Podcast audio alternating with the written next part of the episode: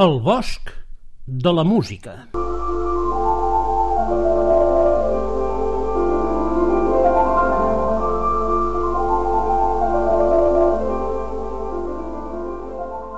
Quan arriba la primavera, l'avi Coc s'endinsa en el bosc per a recollir els troncs d'alzina que durant l'hivern han caigut per a fer-ne carbó. L'avi Coc és carboner d'ofici, d'aquells que fan el carbó als boscos, tot fent unes grosses pileres de llenya que cobreixen amb terra i fullaraca i les encenen perquè el foc cremi a poc a poc i la llenya esdevingui carbó. Aquella primavera l'avi Coc havia decidit endur-se al bosc a la seva neta Atzebeja per ensenyar-li l'ofici. Però Atzebeja no volia ser carbonera perquè a l'escola li havien posat el mot de colot, que és com anomenen un tros de carbó mal cuit. I a més, l'ofici de carbonera és un ofici molt brut. Sigui com sigui, l'avi Coc es creia amb el deure d'ensenyar-li l'ofici ja que, per dissort, Atzebeja havia perdut els seus pares de molt petita i no tenia ningú que se'n pogués fer càrrec. Estimada Atzebeja, li deia l'avi, sempre és bo tenir un ofici après que et pugui donar de menjar. Atzebeja, però, en lloc d'atendre les explicacions del seu avi, es passava el dia jugant amb els animalons del bosc. Era desperta com un gínjol i de seguida es va fer amiga de les papallones, els ocells i de tota cuca viva que per l'indret hi havia. Un bon dia, l'avi Coc, tot creient que Atzebeja ja sabia com anava allò de fer carbó, li va dir «Filla meva, et deixo que tinguis cura de les carboneres mentre jo vaig al poble a cercar els sacs d'arpillera que farem servir per ficar-hi el carbó».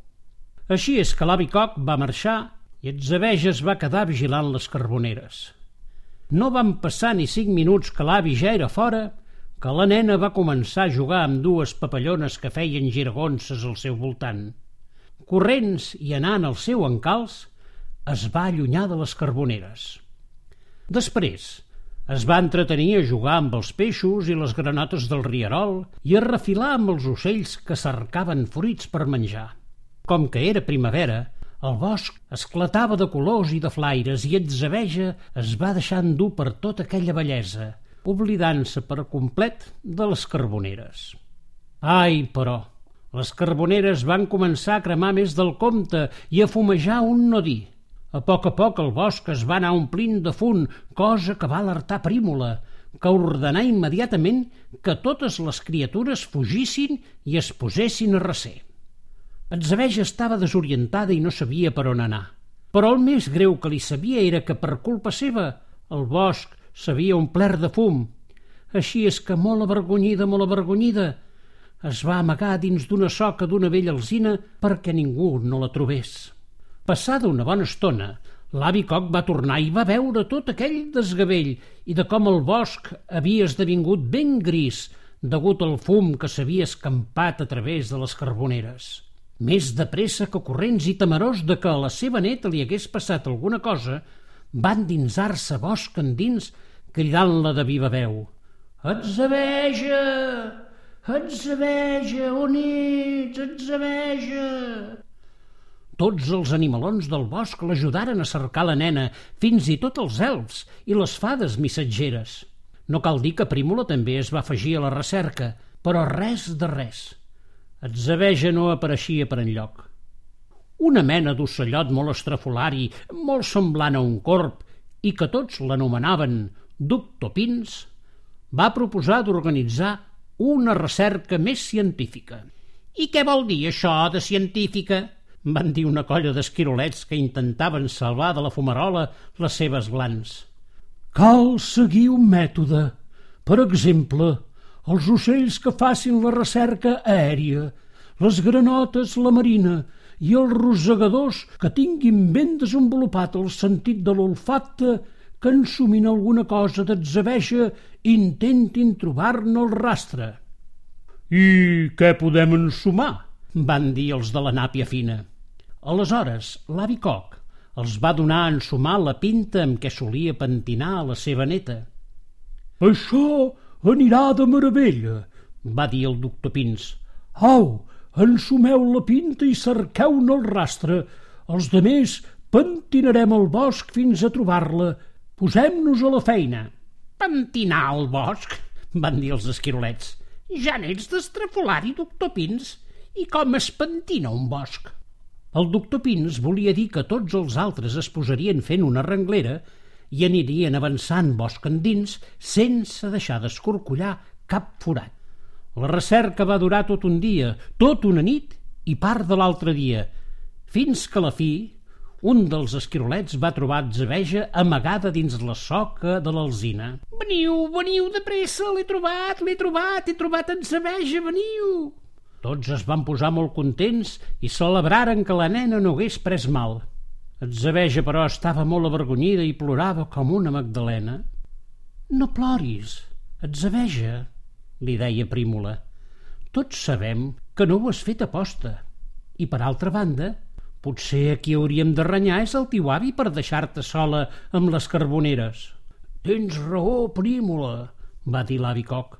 Potser m'havia capficat massa en voler fer de la meva neta una carbonera de profit. No és pas dolent que Atzebeja prengui l'ofici, va dir Prímola. A més, el bosc necessita els carboners, perquè la vostra feina ajuda a mantenir-los net. Però ara no està gens net, va dir Atzebeja. Sembla com si la primavera s'hagués apagat. I era cert. El fum havia deixat tot el bosc de color gris. No t'amoïnis, va respondre Prímola. La primavera sempre té solucions per a tot, i en aquest cas la solució és que qui ha causat el mal canti una cançó de penediment. Una cançó? Si jo no en sé de cantar, va dir Etzabeja. Doncs mira que jo, va dir l'avi Coc, de la meva gola l'únic que en traureu és un gruny de mil dimonis. Això té fàcil solució, van dir els animalons del bosc. Tots nosaltres us ensenyarem a cantar. El grill us ensenyarà els aguts i la granota els greus, els picotins el ritme i el rossinyol la melodia. Tot va ser proposar-s'ho que els animalons del bosc es posaren ensinistrats a veja i l'avicoc i en poc temps tothom refilava la cançó més bonica que mai hagueu sentit, cantada per Atzebeja i el seu avi. I la cançó es va escampar pel bosc i es van enlairar cap al cel de Prímola i allí els núvols van fer conxorxa per enviar un bon ruixat que va rentar la cara del bosc. D'ençà d'aquell dia, aquell bosc també va ser anomenat Bosc de la Música. Que on és? Qui ho sap? Però si mai us endinseu en un bosc i sentiu aquesta cançó que ara us cantaré, de ben segur, de ben segur, que haureu trobat el bosc de la música. Hi ha un indret al món bonic com n'hi ha pocs on el vent i el riu fan les cançons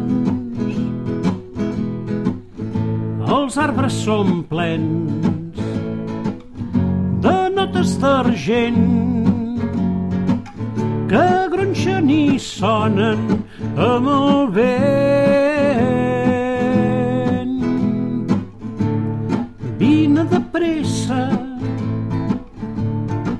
Pots faltar. Vine de pressa al bosc de la música, et vull convidar. Dringuen els filats enteranyinats com si fossin arpes celestials. Cançó aprens, tu no hi pots faltar. Quants més la sabrem, més hi serem. Vine de pressa, no hi pots faltar. Vine de pressa al bosc de la música, et vull convidar. Vine de pressa, no hi pots faltar. Vine de pressa al bosc de la música, et vull convidar.